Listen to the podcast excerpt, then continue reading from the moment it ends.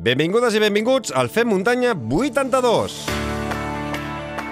Comut, l'aplicació per descobrir, planificar i compartir rutes patrocina el Fem Muntanya, el podcast dels esports outdoor en català, amb Xavi Alujas. Benvinguts, fem muntanyeros i fem muntanyeres. Arrenquem el programa número 82, un programa en el que la seguretat serà el tema principal. De seguida us repasso el menú, però primer de tot Deixeu-me que us demani que us subscriviu a la plataforma de podcast que més us agradi, com per exemple Spotify, Apple Podcast, Google Podcast, iVox, entre moltes altres.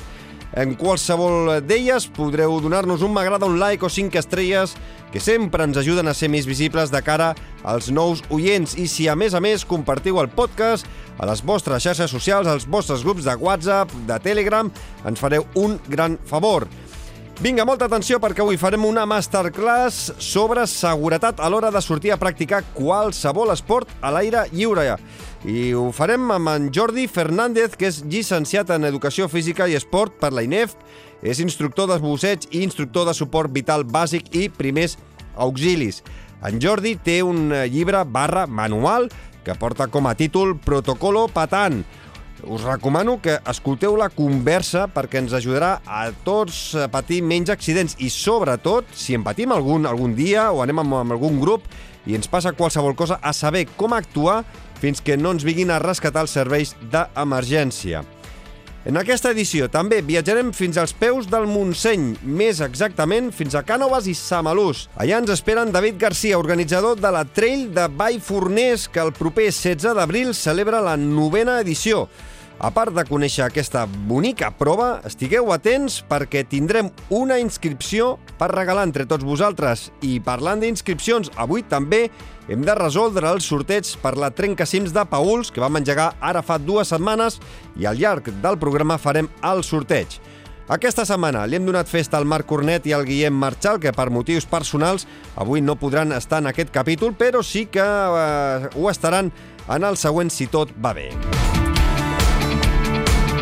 Ja teniu disponible el setè capítol de Kilòmetre Vertical, un capítol on mantinc una conversa tranquil·la i relaxada amb en Jordi Costa Musella, el responsable d'equipar tècnicament les primeres expedicions catalanes a l'Himalaya.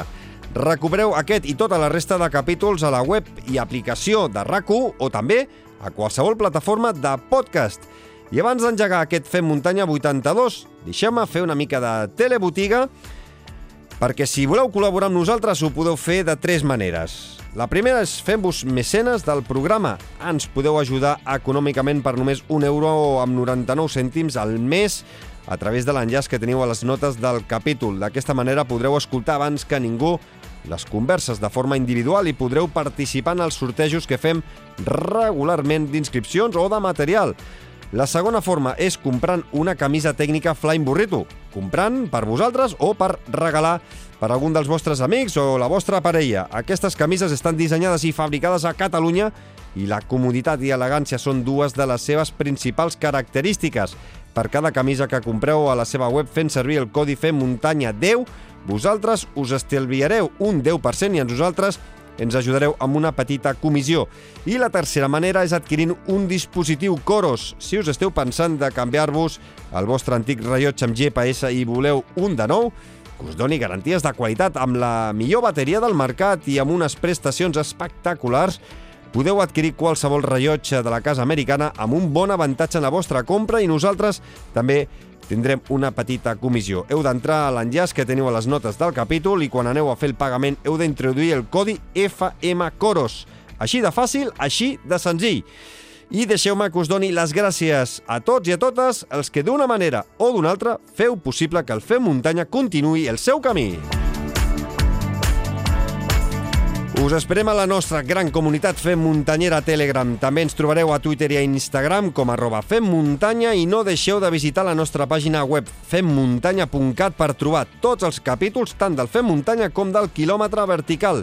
Trobareu la biblioteca del Marc Cornet i altres articles interessants. I recordeu que teniu un correu electrònic femmuntanya arroba femmuntanya.cat on ens podeu fer arribar les vostres consultes i els vostres feedbacks.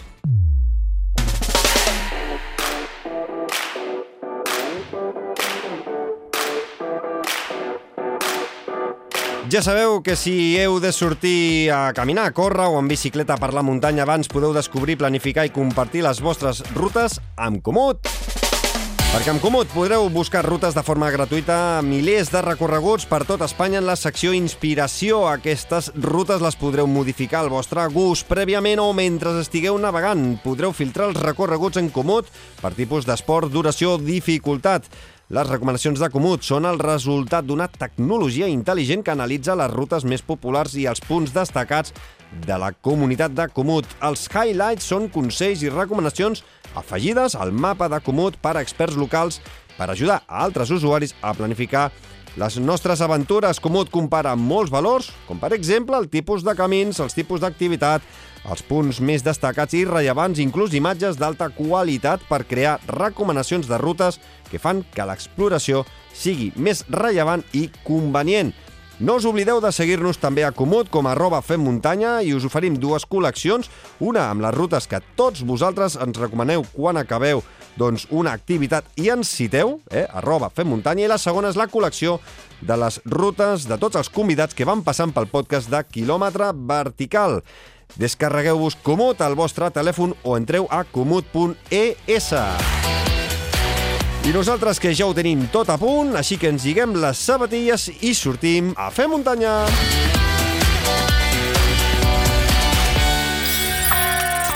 Fem muntanya.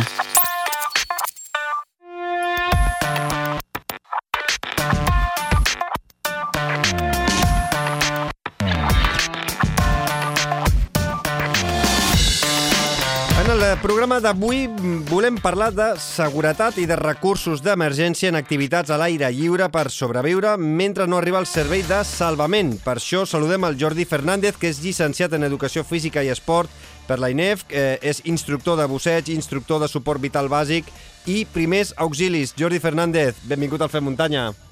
Hola, bona tarda, Xavi, com estàs? Molt bé, eh, moltes gràcies per eh, voler xerrar una estoneta amb nosaltres eh, de primers auxilis, eh, de salvament, eh, perquè són cosetes que de ben segur ens poden salvar la vida en cas de- d'accident, en aquest cas si parlem d'esports a, a l'aire lliure. En Jordi Fernández té un llibre que porta el títol de Protocolo Patant, que ara en parlarem, és un llibre molt senzill de llegir, molt planer, és gairebé una guia amb, amb recursos fàcils d'entendre i d'assimilar, i que en cas d'emergència doncs, podem posar en eh, pràctica.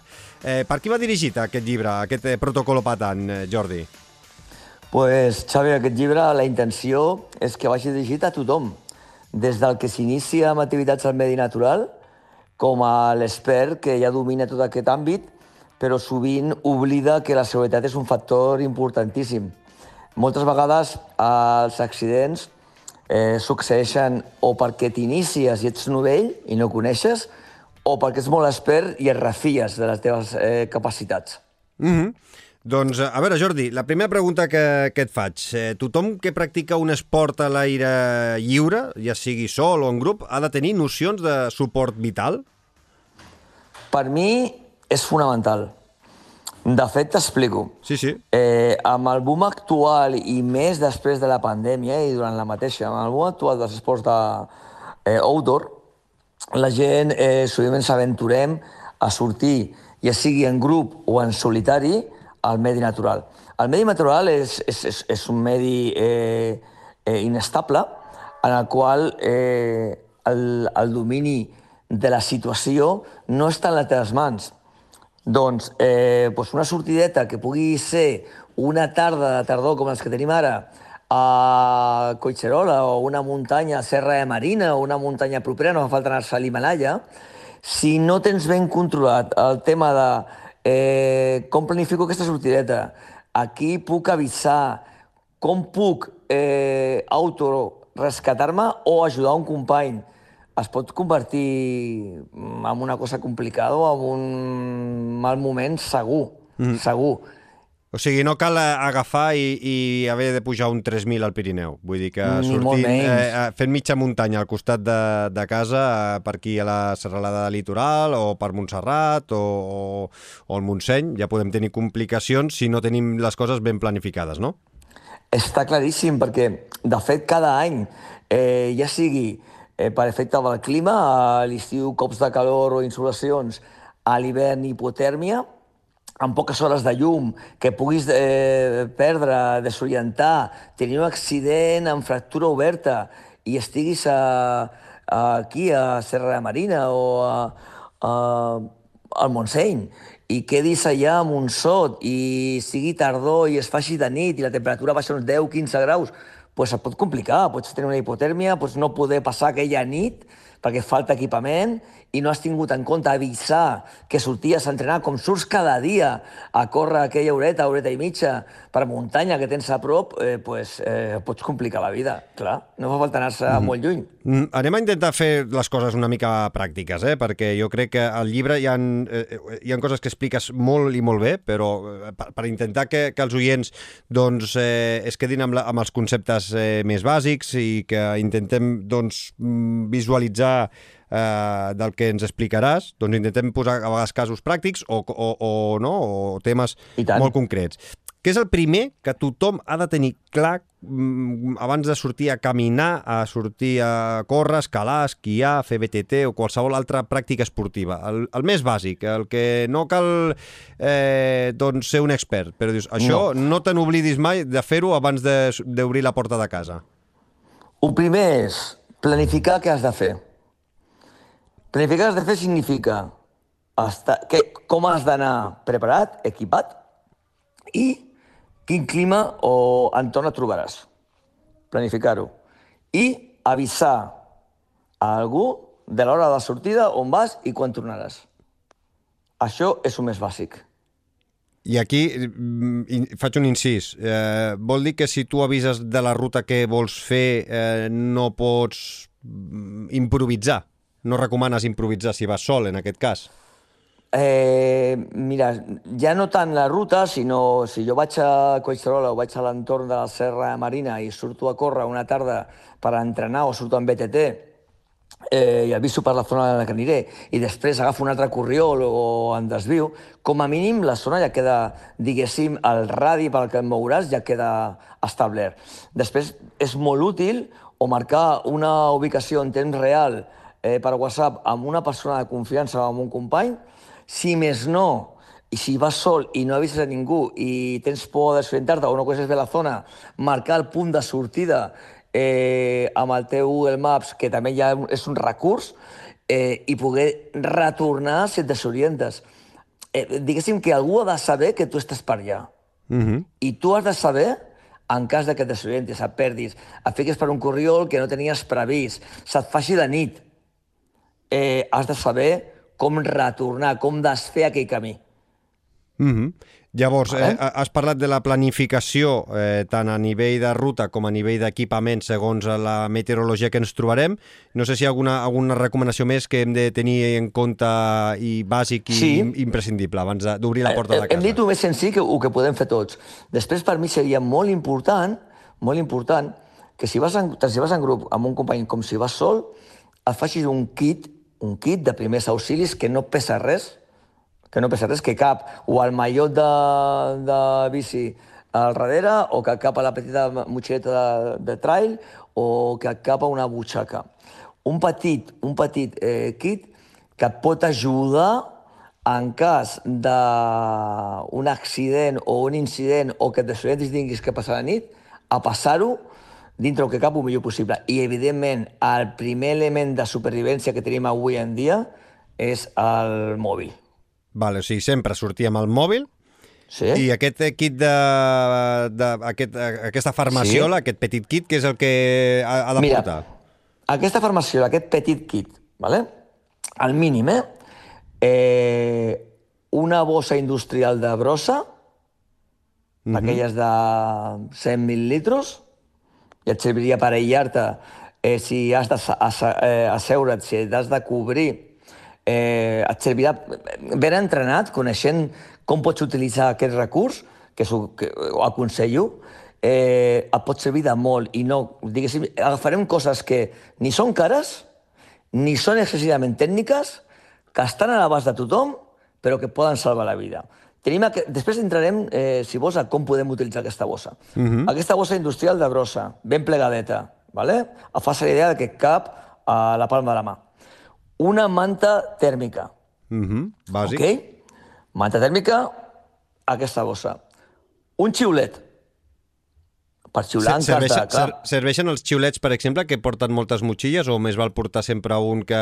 Perquè aquests petitets que porten algunes Sí, motxilles... la motxilla a la, ta a la tanca ja porta un xiulet que pot servir perquè és un, és un so bastant agut, però jo recomanaria un que tingués d'emergència, que tingués més hercis perquè la, o freqüència perquè la gent pugui sentir-te. Vale. Tot i que aquest de la motxilla ja, ja ens va bé, ho acceptem, si el que volem és anar al minimalisme pur de tot no tenir que portar masses coses. Vale. Vale. Llavors tenim la manta tèrmica, tenim Manta eh, tèrmica. la, la bossa d'escombraries industrial i el Aquesta xiulet. bossa d'escombraries industrial, el xiulet i, i una, saps aquella, a, a, aquestes espelmes d'escalfar el plat? Sí. Petitones, Sí. vale, planes? Una d'aquestes i un encenador. I, i, I per què necessitem l'espelma i l'encenador? Perquè amb això pots, amb aquests, tres, amb aquests tres elements ah, pots muntar un punt de calor en cas d'un accident amb un company que ha tingut una fractura oberta, imagina't, de tíbia i peroné. Estem a un corriol eh, força allunyat. No tenim a prop eh, ningú que es pugui venir a rescatar. Hem sortit eh, aquella tarda a les 4 a córrer, ara a la tardor, se'ls ha fet de nit, són les, eh, les 18.30, les, eh, les 7, i estem sols, amb poc equipament, tu pots muntar un punt de calor perquè aquella persona que ha tingut l'accident, o tu mateix, no entri en hipotèrmia. Mm -hmm. El primer que hem de fer, que, que procurar per un, per un ferit és que estigui confortable i que no pugui entrar en hipotèrmia. Quan estàs lesionat o perds massa sang, el primer que tens, i és un factor que et porta a, a, al xoc, vale, és la hipotèrmia. Això, I no fa falta que sigui una baixada molt, greu, molt gran de graus, eh, de temperatura. Mm i això eh, ho portem amb una bossa d'aquestes estanques eh, com- Una bossa zip, una bossa zip d'aquests de congelats, i a la motxilla sempre sempre que sortim a la muntanya. Aquesta, estem parlant d'una curteta, eh, d'un mínim. Eh? Després podem afegir elements que t'ajudaran a fer intervencions. Ja, ja, no, ja parlaríem de la farmaciola. Jo estic parlant ara si surto i surto a córrer jo sol o surto en BTT. Després parlarem de, de, de lo que pot ser elements de farmaciola. Aquests serien elements per esperar, per, per, per atendre o per muntar-te un punt calent a l'espera de que em puguin venir a, a recollir o a l'espera que el meu company trobi ajuda. Mm -hmm. Aquí també entra el factor de, de portar sempre una mica més d'aigua de la que eh, potser contem que necessitarem o portar sempre una, un punt més de menjar del Sí. que tenim previst. Sí, però tot i, mira, tot i que l'aigua és força important i la nutrició o l'aliment també, pensa que sense aigua podem estar 3 dies, 72 hores, que per això és important. Si el rescat es demora més de 72 hores, mmm, ja estem en una situació força greu. L'estadística diu que tot rescat que es demora més de 72 hores, si no t'han trobat, doncs quan et troben ja pinta malament, saps? Mm -hmm. vale? Amb l'aigua és important, per hidratar-te en cas de que tal, però no seria el factor més important. Eh? Millor- Abans va eh, eh, protegir la persona o el ferit de la temperatura o tu mateix. I la nutrició, podem estar fins a tres setmanes sense menjar. Vull dir que no és el més preocupant de lo que estem parlant ara, eh? no és de supervivència, sinó de passar aquelles hores fins que es rescatin el més confortable possible. Mm -hmm. La hipotèrmia et podria matar abans que la falta d'aigua o que la falta d'aliment.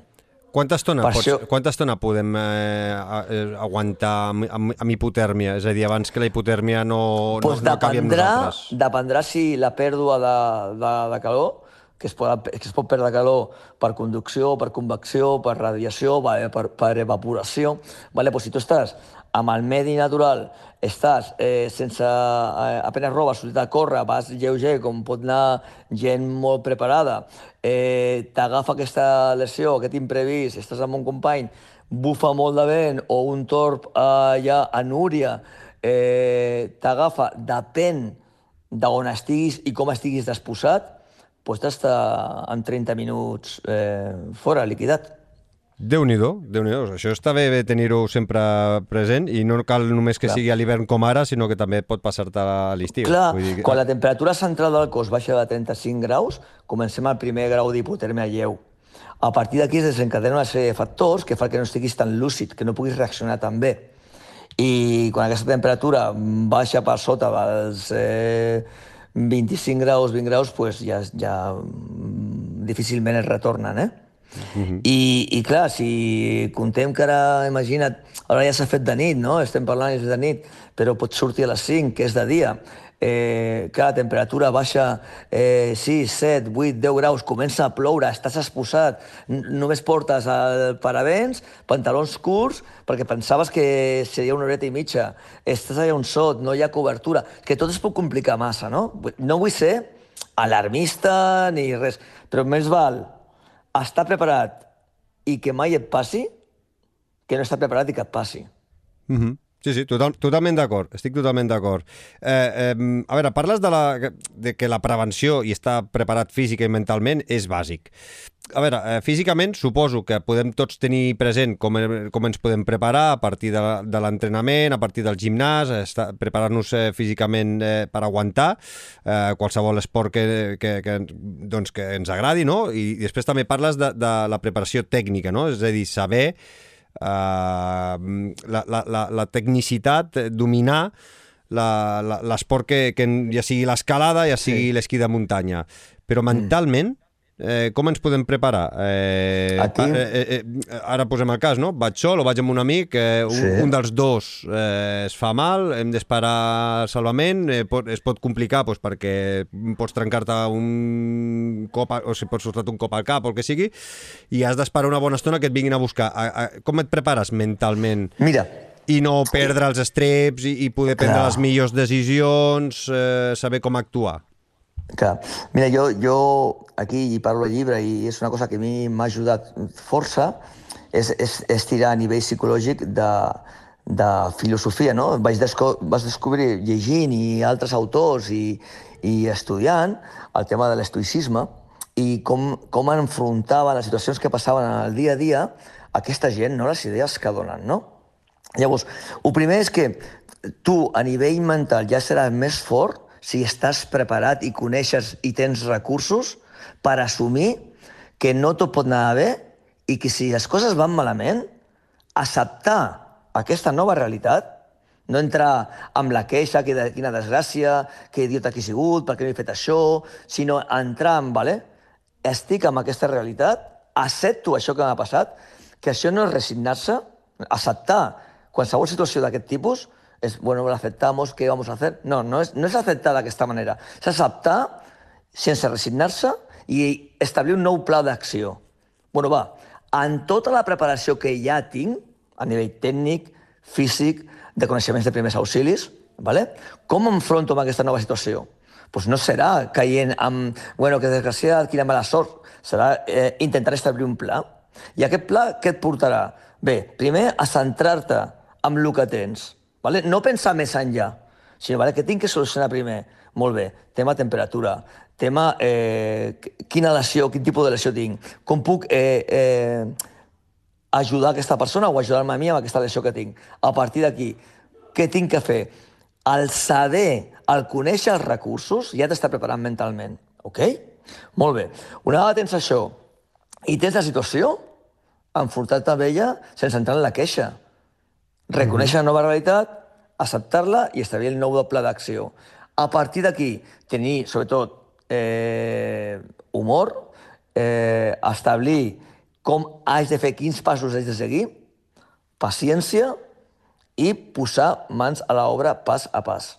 Mm -hmm. Sense pensar vale, en tot el que et pot passar, sense pensar eh, eh, amb el mal que m'he fet, sinó intent, intentar sortir-te de tu mateix o, de, o veure aquella persona, com puc ajudar-la, o de la situació, i intentar parar, pensar, respirar, observar a l'entorn ¿vale? i actuar en base a lo que tu ja has après. Per això estar preparat és important a nivell mental. Mm. Mental perquè abans t'has preparat tècnica, físicament, tens coneixements, estudies, fas cursos, seminaris, eh, i tens aquesta intenció d'entrenar allò que un dia pot passar, que potser mai passa, però quan et passi que sàpigues que estàs preparat. I a partir d'aquí establir aquest pla d'acció. Mm, és, el que, Sobretot no, és, és el que anomenes el, proto, el, el protocol PROA, no? Correcte. El parar, jo penso respirar, sempre... observar i actuar. Correcte, correcte. Per mi, i, i si ho féssim a la vida diària. Tu imagina't que tens qualsevol situació tensa. Si es prenguéssim dos segons, tres segons per parar, pensar, respirar, observar i llavors poder actuar, no estic parlant d'hores, eh, estic parlant de segons, mm -hmm. eh, tot aniria molt millor que a vegades eh, no parem, no respirem, no. Eh, no observem i actuem sense pensar. I llavors és Correcte. quan co, co, eh, es, prenen les, es prenen les pitjors eh, eh, decisions. Decisions, si jo vaig amb tu o va amb un amic o amb el meu fill o amb família i hi ha un accident, si jo no paro, encara que sigui dos segons, amb aquella nova realitat que em trobo, a analitzar-la, respiro, perquè la respiració és fonamental, respiro, observo, llavors analitzo i vaig, puc, puc estar jo en perill. Puc, si, si, si, si hi ha eh, una llau, si hi ha eh, a la carretera un atropellament i jo surto eh, deixant les, que les emocions en dominin i vaig a ajudar-te, jo puc patir aquest accident. Pot ser que el rescatador es converteixi en víctima, també. Uh -huh. Per això és tan important parar. Parar uh -huh. i controlar aquest entorn. Parar, pensar, establir un pla d'acció, respirar, observar, actuar. Però segons, són segons. Llavors, acostumar el teu cervell a actuar d'aquesta manera ja cada dia a la vida. No només en situacions d'emergència. Quan et demanen alguna cosa, quan has de fer alguna cosa, quan entres en una situació tensa, una discussió, eh, el que sigui. Ei, eh, para, para, mentalment, eh? Para. Hay peligro, no hay peligro, eh, observo, respiro, actuo. I, I entrenar a casa amb tranquil·litat, tancant els ulls i visualitzant eh, diferents escenaris eh, d'accidents, de problemes sí. eh, personals, eh, això ajuda sí. a que en cas de que passin coses similars eh, doncs, eh, siguin més efectius? És a dir, posem el cas, eh, surto a córrer jo sol i el més fàcil que em pot passar és que caigui, em foti una hòstia i jo què sé, em trenqui el genoll. O em trenqui Mira. un braç i no pugui arribar al cotxe jo sol. És a dir, estar jo sol a casa eh, pensant que em pot passar això què és el que jo faria a casa amb tota la calma i tranquil·litat em pot ajudar que en cas de que em passi o li passi a un company meu i saber què és el que eh, els protocols que he de fer mm, faria que tot anés millor? Totalment. Pensa una cosa.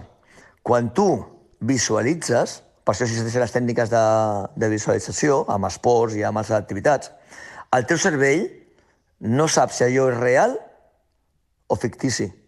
Eh, tu pots entrenar visualitzant situacions en les que et trobis pues, amb una, una hemorràgia externa massiva, amb un trencament de tibia i peroné, amb un trencament de radi, amb una caiguda... O sigui, t'estàs afrontant aquella por. Llavors, si tu controles a nivell de respiració, a nivell de visualització, quins passos has de seguir per eh, controlar aquella situació, a nivell de com actuo a nivell mèdic, com actuo a nivell de eh, primers auxilis, com actuo a nivell d'actitud, com em veig davant de l'entorn, què faria primer, que t'estàs entrenant. I evidentment que és útil, perquè el teu cervell no reconeixerà si és real o fictici. Tu estaràs en un entorn confortable, estaràs tombat al teu llit amb una, amb una llum tènue i entrant en una, una, una espècie d'estat de meditació i visualitzant els passos que has après per poder entrenar-te davant d'aquesta situació que encara no és real. I també serveix crear escenaris quan fem els cursos de, de primers estudis en el medi natural, amb els alumnes, creem escenaris que semblen reals d'actuació. Per què? Perquè la millor manera d'aprendre és fer. Una vegada tu fas, vale? Mm -hmm. allò que era un concepte teòric es converteix en una competència, que és quan tu pots dir que hi he après, perquè sé fer. Abans coneixia, i sé fer. Vale, aquell escenari et posa a l'alumne en una situació d'estrès i a tu mateix, per això hem d'entrenar-ho constantment, situació d'estrès que el cervell no reconeix com a real o fictícia els passos que tinc que fer, com controlo, com arribo, com, eh, aquesta hemorràgia, com la puc reduir, aquesta fractura, com la puc eh, controlar amb un entablellado, i sempre amb una mica d'estrès per part de eh, lo que és l'activitat, per on has de baixar, per on has d'accedir, per què baixem per aquí, per què em pugem per allà, equipat com aniria, al mig de l'entorn del bosc o de la platja o de l'aigua així a nivell de, de mar o submarinisme. Llavors vas aprenent, et vas preparant, et vas enfrontant. Uh -huh. Això seria, i, també en, eh, el que estàs explicant, eh, això últim, eh, eh, sobretot pels serveis de rescat, no? És a dir, que, Correcte. que, que s'entrenen, però sí que a petit, eh, d'una mesura molt més eh, doncs individual, a casa sí que podem fer aquest, est, aquest, aquest no, estat de meditació, en moments de tranquil·litat, visualitzar, Sí, senyor. petits accidents que puguem patir fent la nostra activitat, accidents que puguem, els més comuns, i, que, i com a, podríem actuar tant si, ho fe, si ens passa a nosaltres com si Com un company. anem amb un company. Que el bo d'això seria aprendre els recursos que tens a la teva mà, que són sen- senzills d'aprendre i fàcils, que ja et donarà un plus de tranquil·litat al sortir sempre amb aquells coneixements, vale? una vegada eh, has après a nivell conceptual i a nivell pràctic d'aquells coneixements, visualitzar com actues, veure com ho faries, què faria en cas d'això, evidentment que és útil. I és una forma de preparar-te. Però igual que l'actitud davant d'aquestes situacions, igual que l'actitud de parar, pensar, respirar i actuar, això ho has d'implementar dia a dia. I visualitzar, evidentment, que et donaran un entrenament i un plus davant d'aquestes situacions. M'ha cridat molt l'atenció quan mm, la, el que tu anomenes l'efecte Kiss. Què és i per què és tan important? Vale. L'efecte Kiss... Amb dos eh, S, eh? Kiss com de, de, de sí. petó en anglès. M'ha fet- Correcte, m'ha que cridat l'atenció. Keep it simple and stupid, és haz, eh, hazlo sencillo, eh, estúpido, ve de, ve de, la, de la teoria de la navaja de Ockham, que és de la teoria d'un filòsof, que diu que davant, davant de dues respostes a un problema, sempre la més senzilla és la més eficaç. Llavors, moltes vegades tendim a complicar-nos la vida, vale? perquè entrem en túnel, amb diferents eh, problemes i la solució ve a ser quasi més complicada que el problema. Llavors, les solucions i les actuacions han de ser senzilles. Per què? Una de les coses que perdem quan estem amb estrès i amb pànic són les habilitats fines.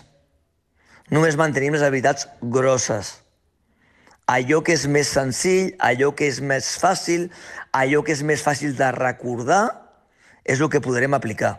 No podem anar a complicar les actuacions davant d'una situació d'estrès o emergència. Llavors, tot eh, el, el que tu has d'establir, inclús eh, moltes vegades quan pues, eh, a una sortida o una immersió o ma- a material que hem de portar, jo tendeixo a dir, jo no vull material molt sofisticat o que porti massa mecanismes. Jo vull un material que sigui senzill i eficaç, que jo pugui arreglar, que no depengui eh, molt de l'electrònica, que no depengui molt de mecanismes que jo no pugui arreglar. Coses senzilles i útils, perquè en cas de- d'emergència tindré eh, les meves, eh, diguéssim, la, la meva condició a nivell motriu fina la perdré. Necessito coses fàcils, senzilles, i solucions senzilles. Eh, parlem del que el protocol que dona títol al teu llibre, el protocol patant. Què, què és, eh, i, o sigui, què significa aquest eh, anacrisme? Vale, doncs mira, eh, aquesta regla mnemotècnica eh, la vaig establir per donar, dintre de que tens un problema, vale? aquest problema pot ser molt, gras, molt gros o molt petit, d'emergència en el medi natural, eh, hauries d'establir un ordre un ordre d'actuacions en funció d'allò que et passa per ordre d'importància. Vale? Llavors, si tu veus patant, la P, ¿vale? Uh -huh. Parar, pensar. I entro prou a dintre. Parar, pensar, respirar, observar, ja fico prou a, de, prou a dintre d'aquesta P. Eh? Uh -huh. Què m'ha passat? Jo estava eh, bike amb el meu company i de sobte del meu company, bum, ha caigut un terraplén cap avall. Vale? O un tallat. Vale. Què faig? Em tiro darrere d'ell? No, paro. Vale? Una vegada paro, penso, respiro, observo, prenc la decisió d'actuar de la millor manera possible. No em deixo guiar per les emocions i vaig corrents darrere d'ell, perquè segurament, com a rescatador, patiré un accident. És molt comú i, i, moltes vegades es sent, doncs ara mira, amb aquest temporal, gent que va fer fotos o selfies a, a l'espigó i, tal, i veu una onada i se l'emporta, ok?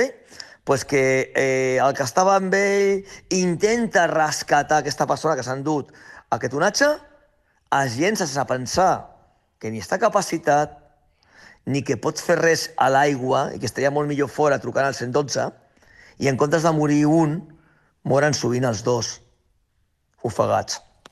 Això passa moltes vegades i, i, i passa moltes vegades amb l'entorn d'emergències. A l'actuar emocionalment sense parar a pensar. ¿vale? Uh -huh. Pensar y parar a qué. ¿Hay peligro o no hay peligro? Peligros universales, desprendimientos, gases, eh, tráfico, eh, el que sigui. ¿vale? Uh -huh. Molt bé, aquesta és la P de Patan. Vaig posar, vaig posar aquesta, aquesta H eh, perquè una de les coses que sovint no tenim en compte és que amb una hemorràgia externa eh, massiva, que seria un tall profund amb una de les artèries principals, i hi ha artèries que tenim molt exposades, com podria ser l'artèria femoral, vale? a, a, a la cuixa, a la part interior de la cuixa, podria ser l'artèria radial, a la part interior del braç, vale? a, des de l'axila, artèria radial, artèria femoral a la cama, o, o al coll. Vale?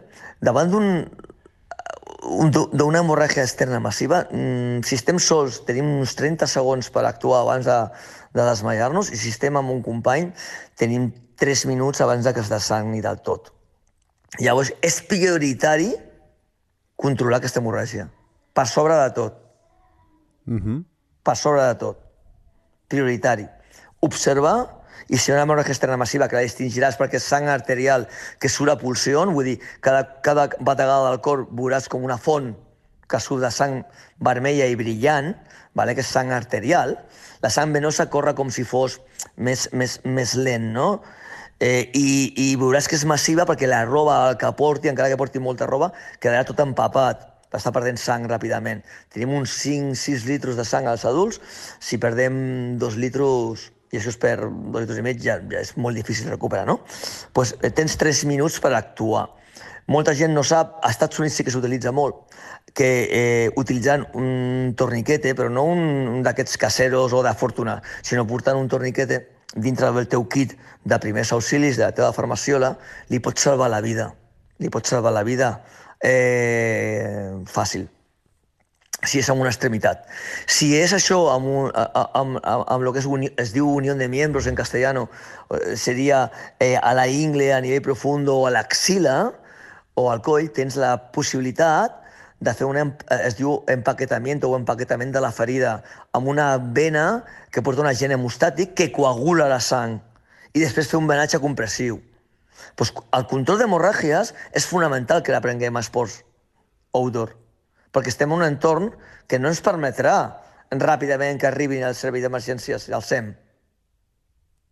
I és relativament fàcil que puguis tenir un accident que produeix aquesta hemorràgia externa massiva.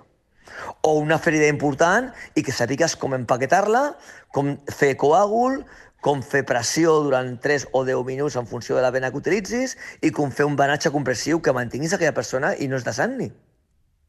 Uh -huh. Per això aquesta H. Eh, a la vegada, una de les, la, la triada d'aquesta eh, hemorràgia massiva externa és coagulopatia, la pèrdua de sang i la hipotèrmia. Al no haver-hi tanta sang al nostre circuit, el cos és incapaç de mantenir la temperatura que necessita, que són 36 graus i mig, i entrem en hipotèrmia ràpidament. Llavors també vindria el tema de controlar la temperatura. Llavors, després d'aquesta H, Vale? No vull estendre'm molt perquè mm -hmm. No, no, superinteressant, eh? Jo, fixa't que jo callo i, de, i, i escolto perquè Fascina. crec que ho estàs explicant molt bé i és superinteressant. T'ho agraeixo. Després d'aquesta H vaig posar la A. La A de què? D'aire o via aèria. Ja sigui, perquè tu pots estar eh, sense respirar uns 3 minuts, però l'obertura de via aèria amb un, amb un pacient eh, inconscient el que farà és que la llengua, que sovint eh, tendeix a... a no, no ens traguem la llengua, és impossible perquè està subjectada pel paladar. El que sí que si estàs inconscient eh, per una aturada cardíaca o per aquesta hemorràgia externa que has perdut el coneixement, eh, has d'obrir via aèria amb una maniobra que es diu maniobra frente mentón. ¿vale? Però això vindria després de controlar aquesta hemorràgia, perquè l'hemorràgia em mata en 3 minuts. I l'ausència d'aire, d'oxigen al cervell o a les cèl·lules, es pot allargar una miqueta més. Uh -huh. Llavors, després de l'hemorràgia vindria el control de la via aèria, valorar si el company té, respira o no respira, en estat de consciència i llavors, en el cas de que no respirés via aèria oberta, permeabilitat d'aquesta via aèria perquè pugui respirar si està inconscient, posició lateral de seguretat o començar maniobres d'RCP, que vindria després, que seria retornar de circulació d'aquest oxigen, d'aquest aire, no? A d'aire, oxigen, a totes les teves cèl·lules. Per això ve després de l'hemorràgia. L'hemorràgia en mataria abans que l'ausència d'oxigen als teixits. Mm -hmm. Després de la A venia la T, de temperatura. Vale? Ja tinc, diguéssim, estabilitzat. Pues imagina que ha sigut una, una ferida profunda, ja t'he fet un, un, un banatge compressiu amb un agent hemostàtic o t'he posat un torniquete i ara puc, tinc que trobar-te un lloc on puguis estar. Si, si no t'has de moure i el lloc és ideal i no hi ha cap perill, muntar-te un punt de calor aïllar-te del terreny perquè perdràs calor per conducció en contacte amb el terra, generar-te un espai de refugi que es pot fer amb aquesta bossa que et dic, eh, o amb la manta tèrmica, o amb recursos naturals, que és el que ensenyem als cursos, vale? muntant un punt de calor amb aquesta espalmeta petita, tu, tu has de saber que amb l'espelma petitona, la bossa de plàstic i la manta tèrmica, cobrint i posant l'espelma entre les cames i la persona o el ferit tapat amb això, la temperatura de fora, sense estar cobert, a dintre, pot variar de 6 a 10 graus mm -hmm. positius, amb la qual estàs donant aquest calor a aquesta persona que ho necessita, amb aquesta espalmeta. Si després tens més, te més temps i domines eh, tècniques per fer un petit foc que pugui eh, de manera indirecta escalfar aquella persona amb una pantalla i tal, doncs ja t'ho correràs més. Però només amb la bossa de plàstic, per aullar-lo del terra, amb la manta tècnica per tapar aquesta persona i el punt de calor, podem reescalfar, mantenir la temperatura d'aquesta persona. I és important perquè llavors eh, tens control del ferit, però estem exposats al medi, no generes aquest, aquest punt de calor, aquesta persona pot morir d'hipotèrmia o entrar en xoc per hipovolèmia i per hipotèrmia. Ah, ah, llavors, disculpa, eh, a, a que faci aquí un incís. Llavors, sí. què seria? Eh, Posar-te la manta tèrmica eh, per sobre i la bossa d'escombraries, aquesta industrial, com l'hauríem de posar? Hi ha diverses tècniques. Si la persona estigués, eh, diguéssim, que no ha d'estar estirada perquè manté la consciència, vale? tu pots fer... Eh, clar, és difícil d'explicar-t'ho. Eh, un tall a la bossa... Eh, la manta tèrmica està per sobre de la persona, amb el costat platejat cap a dintre perquè per radiació et retorni el teu calor, uh -huh. vale?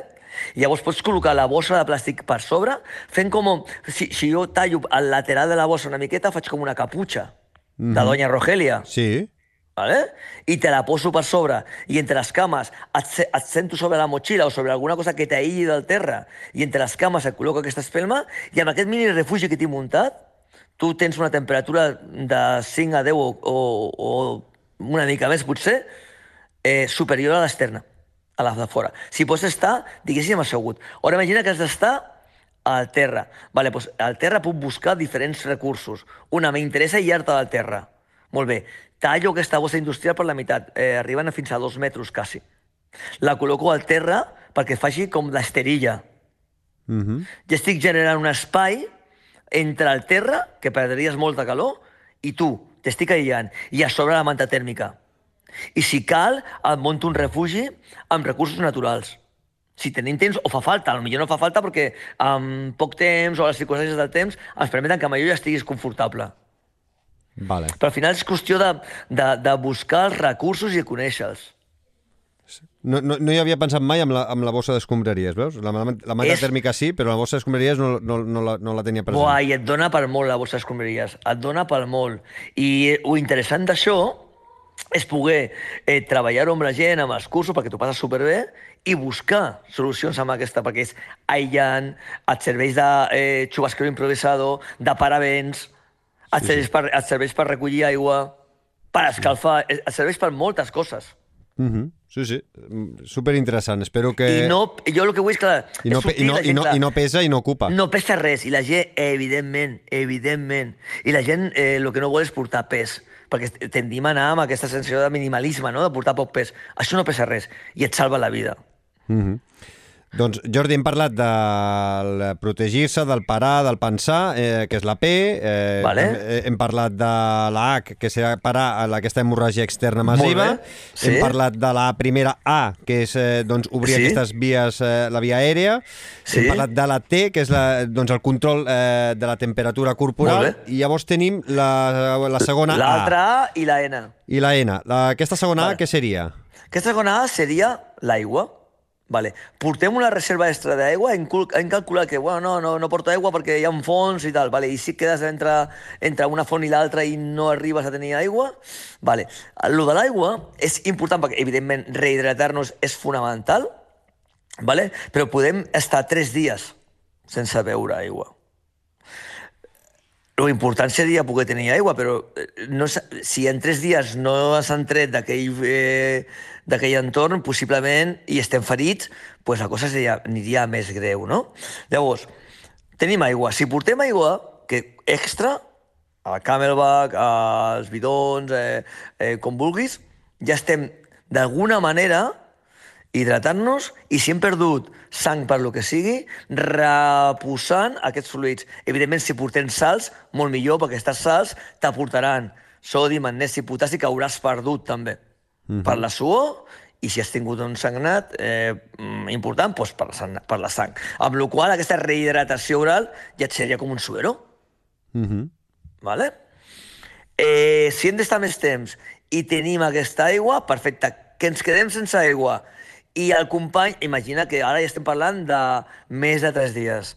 O de, per no passar-ho malament, de dos dies i ha un, dels, un es pot moure o el mateix ferit es pot moure després o tu com a company pots moure hauríem de buscar una font propera, vale? o un riu o un vessal, el que sigués.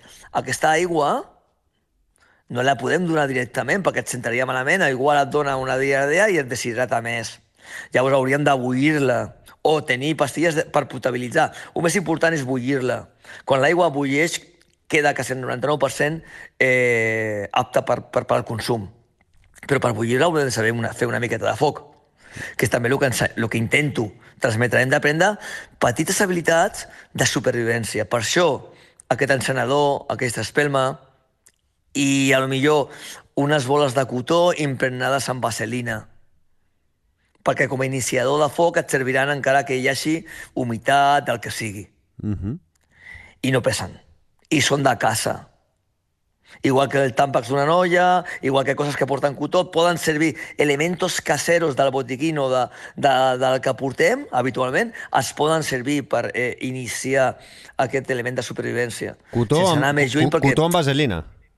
Sí, perquè eh, si el cotó l'encenem, cremarà molt ràpid si no porta aquest, a, aquest, eh, aquesta vaselina. Si porta vaselina t'aguantarà més aquesta flama i et serà més fàcil doncs, col·locar eh, uns palets petits, eh, col·locar eh, després unes branques més grans per pe- fer un foc una mica més important, Vale. per poder potabilitzar aquesta aigua o donar calor. Uh -huh. És com un misto, si Sí, sí. tu encenes el misto se t'acaba de seguida aquesta flama. No et dona per iniciar una, una foguera si no saps.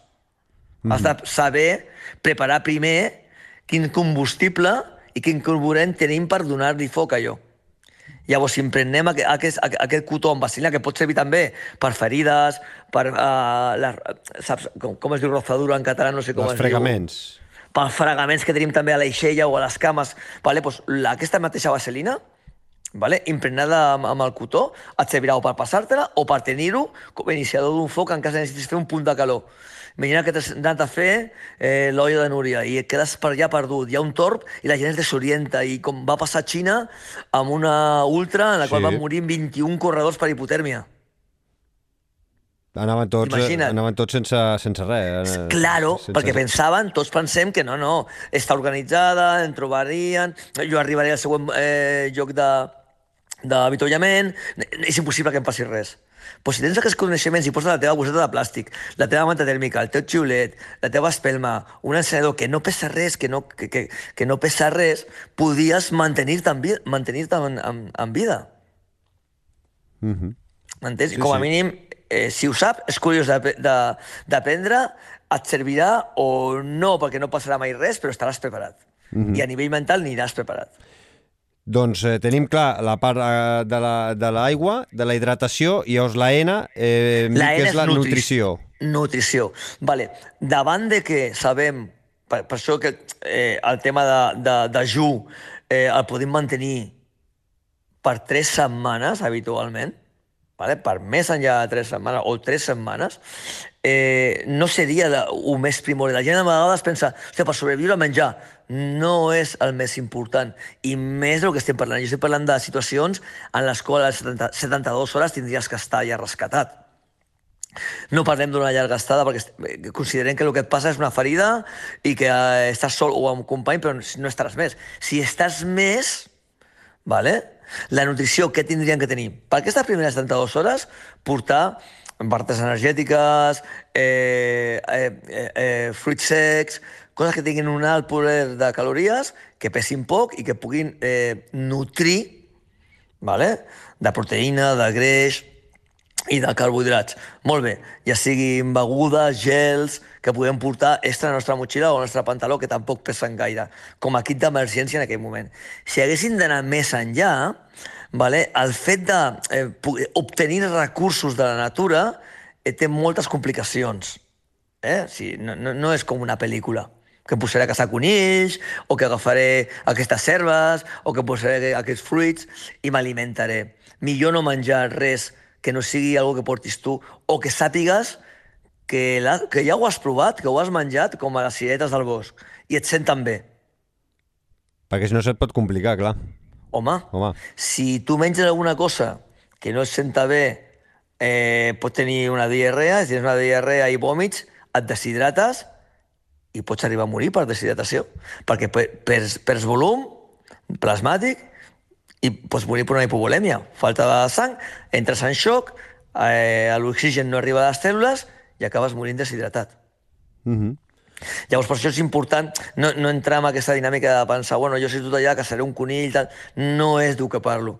Parlo de portar aquest extra d'aliments i tenir la tranquil·litat de que el menjar no és el més important.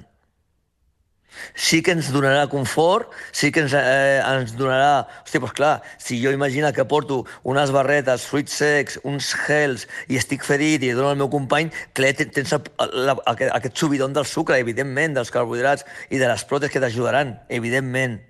Però no serà el més important. I llavors, sobretot, descartar menjar res que estigui per allà al voltant a no ser que ho coneguis, que siguis un, una persona que conegui aquest tema i que ho has menjat, ho has provat en situacions eh, real de, vale? i no t'ha passat res i et senta bé. Inclús les cireretes del bosc que a vegades agafem i mengem, eh, si hi ha algun mustèrid o algun ratolí que per allà ha pixat o tal, et pot agafar una malaltia. Mhm. M'entens? Amb, Sí, sí. amb les coses del medi natural, mm, millor no provar, no fer invents i llavors portar el teu menjar, ja que et menjar que et, ser- que, que et serveixi per aquestes 72 hores. Per anar acabant, Jordi, una de les coses que parles en el llibre és que tots els estudiants de l'ESO haurien de saber don, i tenir clar uns primers auxilis i, i per exemple, un RCP, no? O Sí. Un, un, un massatge, saber, mm, doncs, eh, tots els estudiants, eh, saber fer un, un massatge cardíac eh, per eh, reanimar. Eh, això mm, és possible, no és possible? I Sí. si hi ha gent que ens escolta i vulgui fer un curs de RCP, eh, de primers auxilis, eh, com, com ho pot fer? Mira, eh, jo sóc profe, saps que sóc profe de, de grau d'esports, a FP Esports, i profe de l'ESO des de fa 25 anys. Llavors, des de farà aproximadament uns 10 anys, eh, jo a l'assignatura d'Educació Física vaig pensar o, o tinc clar, i cada vegada s'està imposant més al currículum d'Educació Física, que els primers auxilis, si totes les, les generacions de l'ESO que van sortint, quan surten a quart, sortissin amb coneixements amb RCP, desfibrilador extern automatitzat, tindríem eh, primers intervinents, gent que coneix el protocol per poder salvar vides. I en pocs anys tindríem totes les generacions de gent que va sortint com a primers intervinents pel carrer, poden actuar, sabent quin protocol s'ha de seguir, com truco al 112, com fer una RCP, quines són les compressions que haig de donar, quines són les ventilacions, si haig de donar o no compressions, com haig de protegir a mi i a l'entorn, com funciona un DEA... Llavors això és fonamental. Això s'aprèn en un matí en 6 hores. Vale? I jo al col·le, al col·le, els alumnes de quart surten amb la seva ESO i tots titulats eh, com primer intervinents.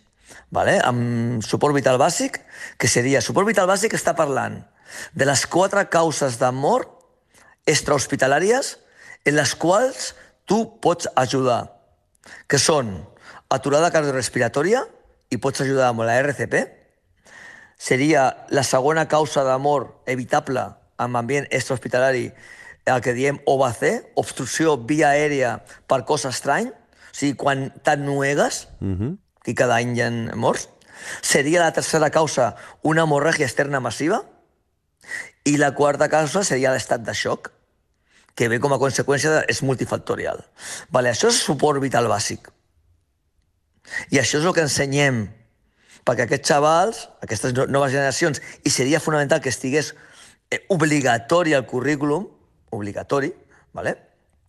el que ensenyem a aquests nois que surten. Després, l'utilització del DEA. El DEA és fonamental perquè quan tu tens una aturada cardiorrespiratòria, el cor es pot aturar de dos, de dos formes. Una, fibrilació, que és el 80% dels casos habitualment, en el qual una fibrilació, diguéssim que és una, eh, una, un batec inestable, com si tinguessis un, un flan a un plat i et tremolés el pols, uh Mhm. -huh. El teu cor fa el mateix. Llavors això no és compatible amb la vida, no està bombejant sang. La majoria d'aturades són per aquesta causa. I al final pots tenir una asistòlia, que és el cor deixa de bategar. Vale. Mentre es fibrila, que és el 85% dels casos d'aturada, l'únic que pot desfibrilar aquest ritme és un desfibrilador, que quan el col·loquen els parxes, el que fa és analitzar el corrent elèctric que hi ha a aquell cor, si és un cor que està aturat, et dirà que continuïs amb l'RCP, que no hi ha res a fer, que continuïs, i si està fibrilant et dirà no toque al paciente, apártese, se va a proceder a una descarga. I és super senzill de fer servir. Hi ha un botó verd, i jo sóc un boomer, però sé que un botó verd on posa on és on, és entender, sí. i hi ha una llum eh, de color taronja amb un triangulet i amb un, i amb un raig que posa descarga. Llavors quan diu on, dele al botón naranja, se va a proceder a la descarga, apártese, no toque al paciente. Tot el món apartat, li dones el botó taronja quan t'ho demana, dona la descàrrega. Què fa que està? El ritme fibrilable, la fibrilació que hi havia, que ha analitzat aquesta màquina, t'atura el cor. La descàrrega t'atura el cor. I és com si te'l resetegés. El cor s'atura i comença a bategar de nou amb un ritme compatible amb la vida. Per això és tan important uh -huh. la utilització del DEA i saber que salva vides. Doncs eh, des d'aquí, des del Fem Muntanya, recomanem eh, a la mínima que es pugui, amb moltes feines, doncs, que a través de recursos humans es fan aquests cursos. Doncs, Correcte. Recomanem... Eh, I les federacions, la, em sembla que la Federació Catalana, També. la Federació Espanyola de Muntanya, fan periòdicament aquests cursos, pots anar a la Creu Roja i, i els fan també. Nosaltres estem fent els cursos per eh, professionals de l'esport. També vull dir que hi ha una àmplia oferta Mm. I, I molt recomanable, I... perquè eh, ara potser acabo explicant un cas personal, no? Jo vaig poder fer un curs de primers auxilis eh, a, la, a la meva feina i per desgràcia, perquè al final és per desgràcia, Clar. lògicament, al cap de pocs mesos el vaig haver de posar en pràctica i això em va ajudar a mantenir la calma i poder estar allà fins que no va arribar l'ambulància la cosa doncs no va no, no ve al cas, no? Però ja. no, no, no va anar com hauria d'haver anat i, però bueno, com a mínim la família estava tranquil·la perquè sabia que hi havia algú allà eh, sabent el que tocava, el que feia i, i, i donant suport eh, fins que arribés l'ambulància. Uh, Molt bé, Xavi. No, no, però Mira. al final, al final eh, sí que, eh, i, i insisteixo, i, i ho has dit tu, i per això estem mantenint, mantenint aquesta conversa, no? Vull dir, intentar fer un curs bàsic d'RCP eh, a mi em va suposar dos matins, tres hores cada matí, que és el ah, que, que són sis, sis hores, sis i, hores. Que, i, i que és molt recomanable perquè et dona una tranquil·litat en el, en el moment de que passa qualsevol cosa, doncs eh, saber com actuar.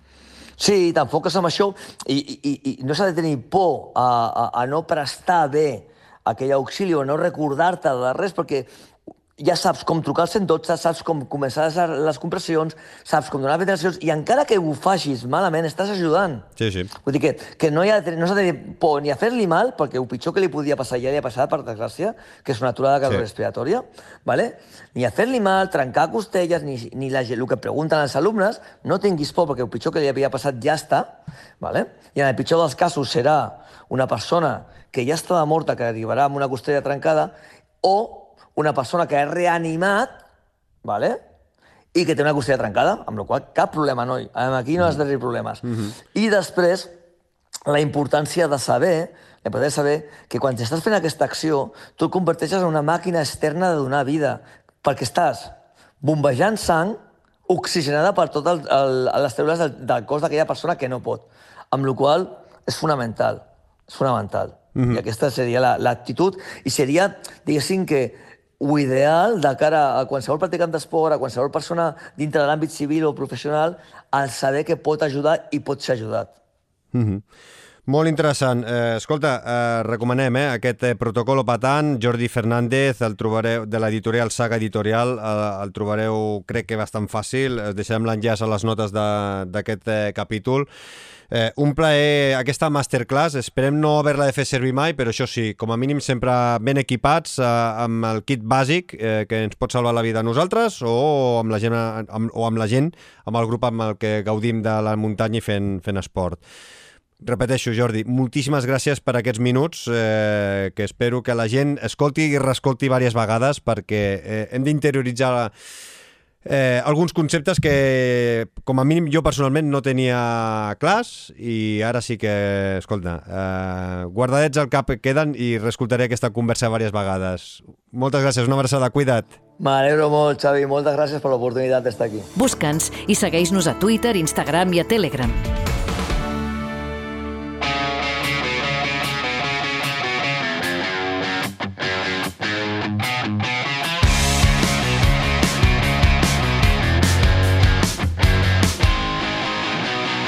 A veure, molta atenció, fem muntanyeros i fem muntanyeres. Anem a sortejar la inscripció per la Trencacims de Pauls del proper 29 i 30 d'abril. Com ja sabeu, el sorteig el vam engegar en el programa 81, ara fa dues setmanes.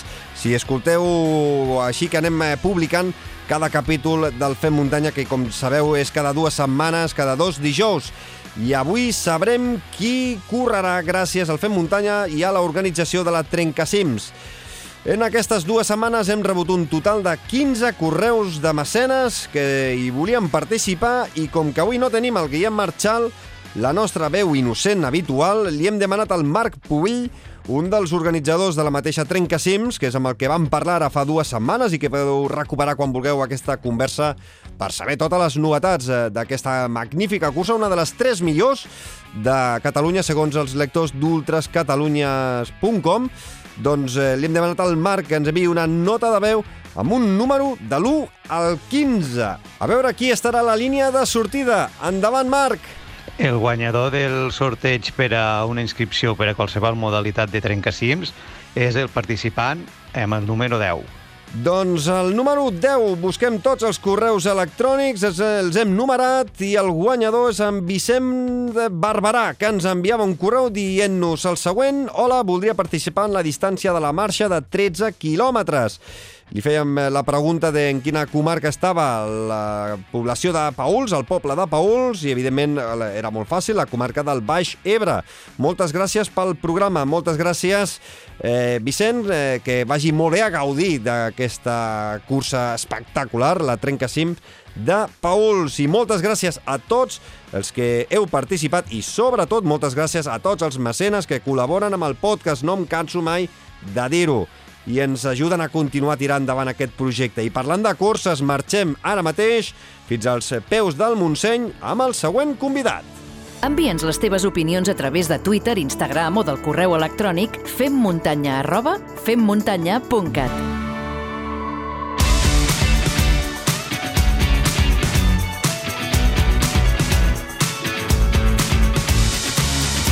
En aquest Fem Muntanya ens desplaçarem fins a Cànoves i Samalús, als peus del Montseny, per conèixer de primera mà la Trail de Vall Forners, que enguany arriba a la novena edició. Per això saludem al David Garcia, que és l'organitzador. David, benvingut al Fem Muntanya.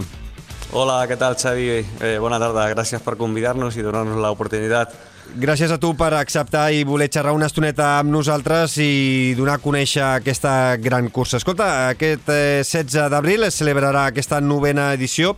En què esteu treballant ara, eh, mes de febrer, des de l'organització?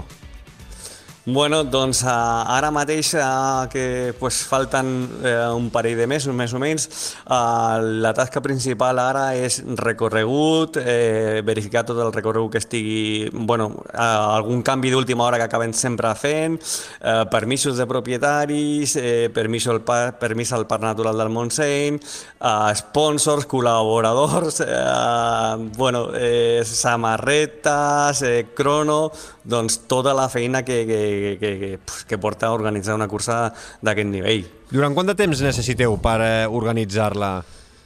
Uf, uh, això és un tema... Eh, és, jo crec que en el moment, o sigui, en el mateix moment que acaba una edició, i, i és veritat que aquest any eh, l'hem fet una mica... O sigui, l'edició d'abans la van fer el dia 1 de maig i ara hem mogut el 16 d'abril, doncs una mica intentant moure dates per, per aconseguir més participants a la nostra edició, però uh, en el moment que acabes una edició, pràcticament l'endemà següent, estàs recollint ja trastos per organitzar la següent edició de l'any següent, o sigui que és que al final estàs tot un any preparant cosetes i acabant de matisar coses, recorreguts, eh, perquè nosaltres canviem el recorregut pràcticament cada any, intentem buscar uh, alternatives noves, o sigui, sempre estem rumiant coses, sponsors, col·laboradors, o sigui, és una tasca mm, de, de molt de temps. Mm. Ara, ara anem parlant d'algunes cosetes, eh? però primer tot, per què trail eh, de, de Vallforners? Doncs, uh, bueno, a Cànoves, a l'entorn, o sigui, eh, tenint l'embalsament de Vallforners, i llavors eh, sempre hem parlat molt de la olla de Vallforners, no? que envolta tot el recorregut de la part de, de l'embassament, la part de eh, Roca Centella, la part del Suil, la part del de, Samont, tota la part aquesta és com una olla que nosaltres sempre hem anomenat la, la vall de Vallforners i, i llavors eh, per això el trail de Vallforners. No? Eh, fa dos anys també que eh, Cànovas és, una, és un municipi, és un, és un poble que tradicionalment era un poble de carboners. Es feien moltes carboneres a, a, al voltant de la muntanya.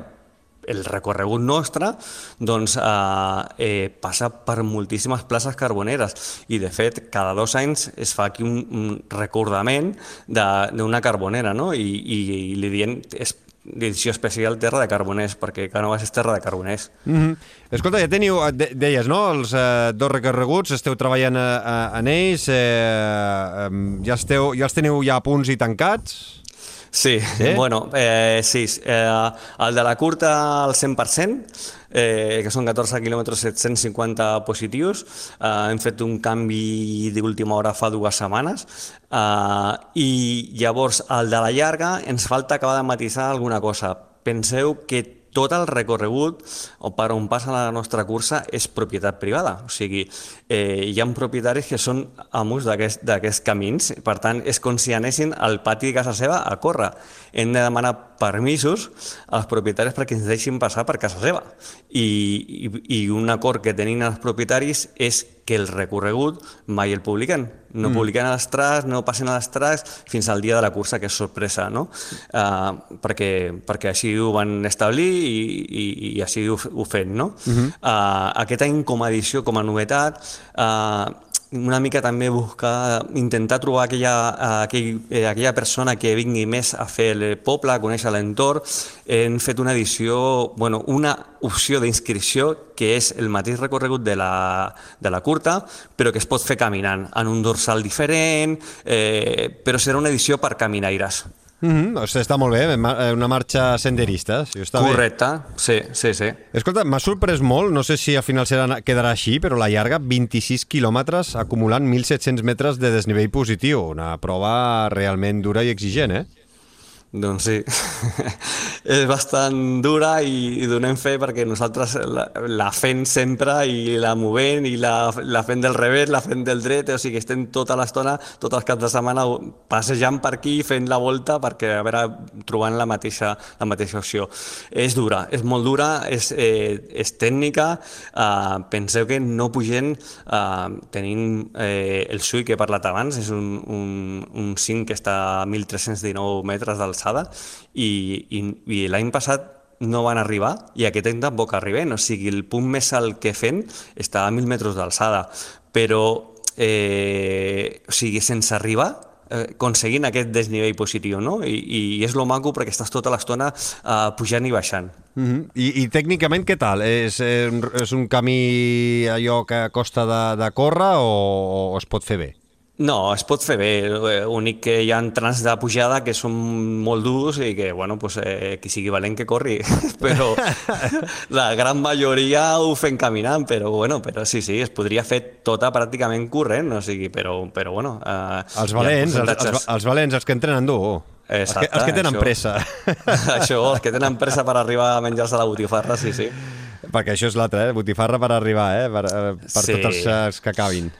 Clar, és que Vallforners, eh, bueno, és, és, eh, sempre intenten donar i això ens, ens ha arribat, eh? sempre al, a l'acabar la cursa pues, eh, el, el feedback del corredor és molt bo, aprecien molt la nostra cursa, aprecien molt els nostres voluntaris, eh, una bossa de corredor espectacular que donen aquest any una dessugadora, si és que només el preu de la dessugadora ja va la inscripció de la, de la curta, o sigui que al final eh, entrepa de botifarra de quilòmetre zero, o sigui tot el que fan els nostres nostres avituallaments i, i al voltant de la nostra cursa intentem que sigui eh, quilòmetre zero, que tot el que es pugui de benefici que es trigui aquesta cursa que quedi en el poble. És a dir, el pa intentem buscar al, al mateix pa al fort del, del poble, la botifarra igual, o sigui, tot el que sigui, la fruita, tot ho, ho fem aquí al poble. Quants, quants habitants té Cànoves i Samalús? 3.200 i més o menys. Un poble més, més o menys gran i, i quants sí. corredors eh, eh podeu encabir o, és a dir, quan obriu les inscripcions, quin és el límit? Uh, això el límit el posa el parc natural. Uh, no, normalment nosaltres el tenim establert en 300 per cada cursa, per cada distància. Uh, algun any, a la curta, sí que havien passat aquests 300, però com que la llarga no havien arribat, doncs anaven jugant una mica en, aquesta, en aquests baremos no? de, de corredors. Uh, tant de bo. O sigui, eh, aquest és un tema per parlar-ne, que ha sí. baixat molt la participació, però tant de bo arribessin a, a 200 a cada distància, eh? jo ja signaria. I, i, és a dir, ara falten eh, a prop de dos mesos mm, per, per eh, segons quan la gent escolti el podcast, quedaran uns dos mesos per eh, aquesta mm trail de Vallforners. Eh, com va el ritme d'inscripcions? Doncs fatal. uh, fatal i en il·lusió, no? Perquè ara mateix portem 34 de la curta, portem eh, 10 de la llarga i 2 de la caminada. Penseu que nosaltres hem de decidir tot eh, d'aquí a dues, tres setmanes. Hem de triar les dessuadores, les talles, eh, ho hem de triar tot eh, més o menys la quantitat d'avituallaments, el material de l'aigua, i la gent s'apunta a última hora i ja has de fer aquí màgia. Per això d'aquí un mes direm, escolta, qui no tingui la talla triada de la dessuadora ja no la podrà triar, perquè hem de fer el càlcul nosaltres. O sigui que al final és, és, és, és molt complicat eh, poder-ho fer i, i no tenim la sort de que obrin i en 24-48 hores tanquen inscripcions, que seria l'ideal. I confieu que la gent se, sempre s'inscriu a l'últim mes o, o veieu que aquest any potser és una mica més complicat?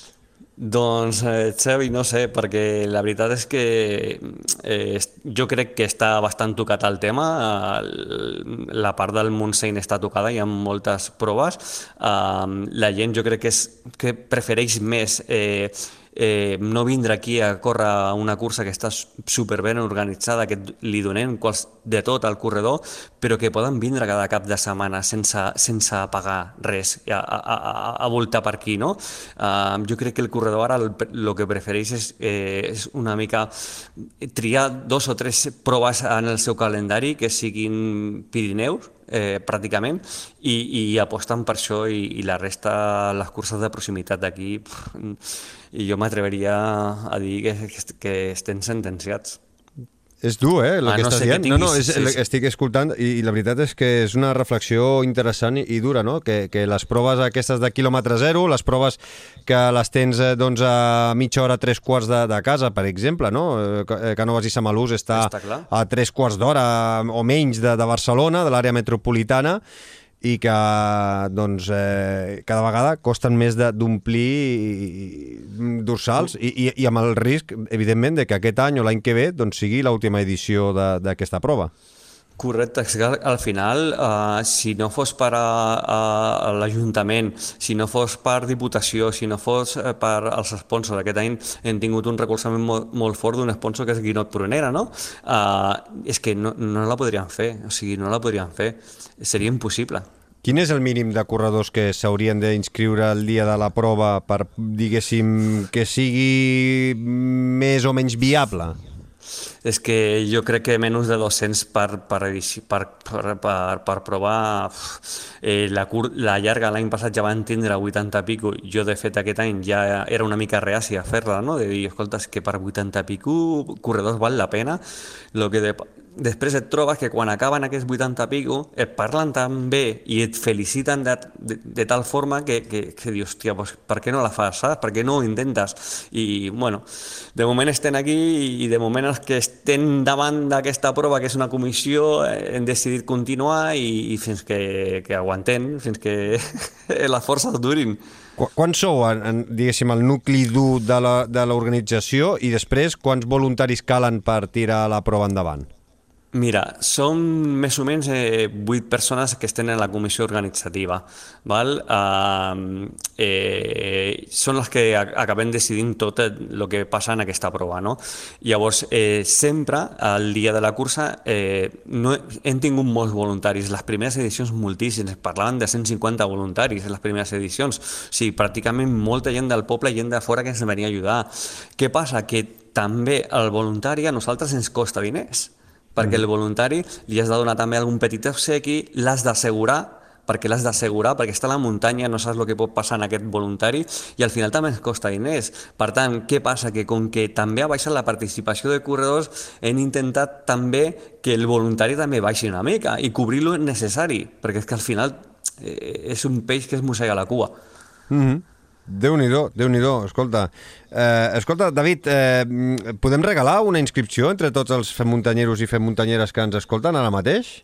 I tant, Sí? sí? a la distància que vulguin triar, caminada, 14 quilòmetres de corrent o la de llarga de 26 quilòmetres, cap problema. Sí, o els sí. valents i valentes a la de 26. Doncs mira, molta Sí, sí. atenció, perquè obrim ara mateix el sorteig a una inscripció per la Trail de Vallforners eh, pel proper 16 d'abril d'aquest 2023 entre tots els mecenes del podcast, eh, tots els fem muntanyeros i Fem Muntanyeres Premium, així que si no ho sou, encara us animem a que us convertiu en mecenes del eh, podcast perquè a més a més de poder guanyar inscripcions per les millors curses de casa nostra ens ajudareu en el manteniment del podcast, ja ho sabeu. Dit això, tots els que hi col·laboreu amb el programa, tots els mecenes ja teniu disponible un àudio exclusiu on explico el que heu de fer si voleu participar en aquest sorteig per una inscripció per la Trail de Vallforners, que com diu el David, doncs podreu triar si voleu fer la caminada, si voleu fer la cursa de 14 quilòmetres i 700 de positiu, o si voleu fer la, la llarga, la de 26 quilòmetres i 1.700 positius acumulats. Teniu temps des d'avui dijous 16 de febrer, que és quan eh, publiquem aquest podcast i engeguem el sorteig, fins, atenció, el proper dilluns 27 de febrer donarem el nom del guanyador o guanyadora en el Fem Muntanya número 83. Si voleu informació de la Trail de Vallforners o us voleu inscriure, us animem a que entreu al seu web traildevallforners.es. I com diu el David, eh, si no volem entre tots que desapareguin les curses de quilòmetre zero, les curses a prop de casa, doncs, eh, escolta, a vegades no cal mirar tan lluny, no cal eh, buscar proves eh, supercares, eh, amb una marca de vegades eh, que no sempre et donen el millor, i mirar més eh, el que tenim a prop de casa nostra. A veure si la gent així s'anima a recolzar aquestes eh, curses que ja tenen una, uns anys i que ho fan sempre amb tot l'amor i tot el carinyo i moltes hores eh, de dedicació. Sí, sí, eh, és així. Molt bé especificat, correcte. Doncs eh, David Garcia, eh, moltíssimes gràcies, organitzador de la Trail de Vallforners, moltes gràcies per col·laborar amb el Fem Muntanya, molta sort i ens veiem ben aviat. Una abraçada, cuida't. Moltes gràcies a vosaltres i una abraçada i ens veiem per aquí, per Vallforners.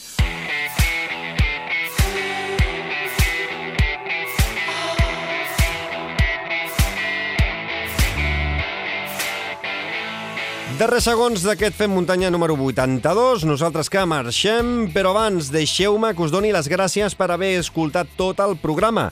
Si us ha agradat aquest capítol, us recomano que us subscrigueu a qualsevol plataforma de podcast. També us fem saber de nous capítols a les nostres xarxes socials, com Twitter i Instagram, i com no a la nostra gran comunitat a Telegram. Des d'aquí una salutació a tots els qui formeu part.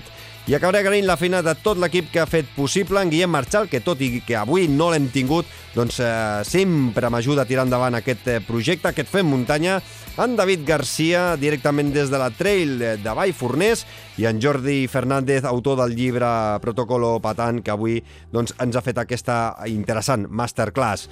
El Fem Muntanya torna d'aquí a 15 dies amb un nou capítol i cada setmana us oferim l'actualitat amb l'Albert Torrent i ara també el Robert Mercè, que ens porta tota l'actualitat relacionada amb la BTT i el Gravel. De debò, moltes, moltíssimes gràcies a tots per ser-hi. Una salutació de qui us ha parlat, Xavi Alujas. Com sempre, ha sigut un autèntic plaer. Fins llavors, gaudiu i sigueu feliços, amb salut seny i, sobretot, molta muntanya! Comut, l'aplicació per descobrir, planificar i compartir rutes t'ha ofert el Fem Muntanya.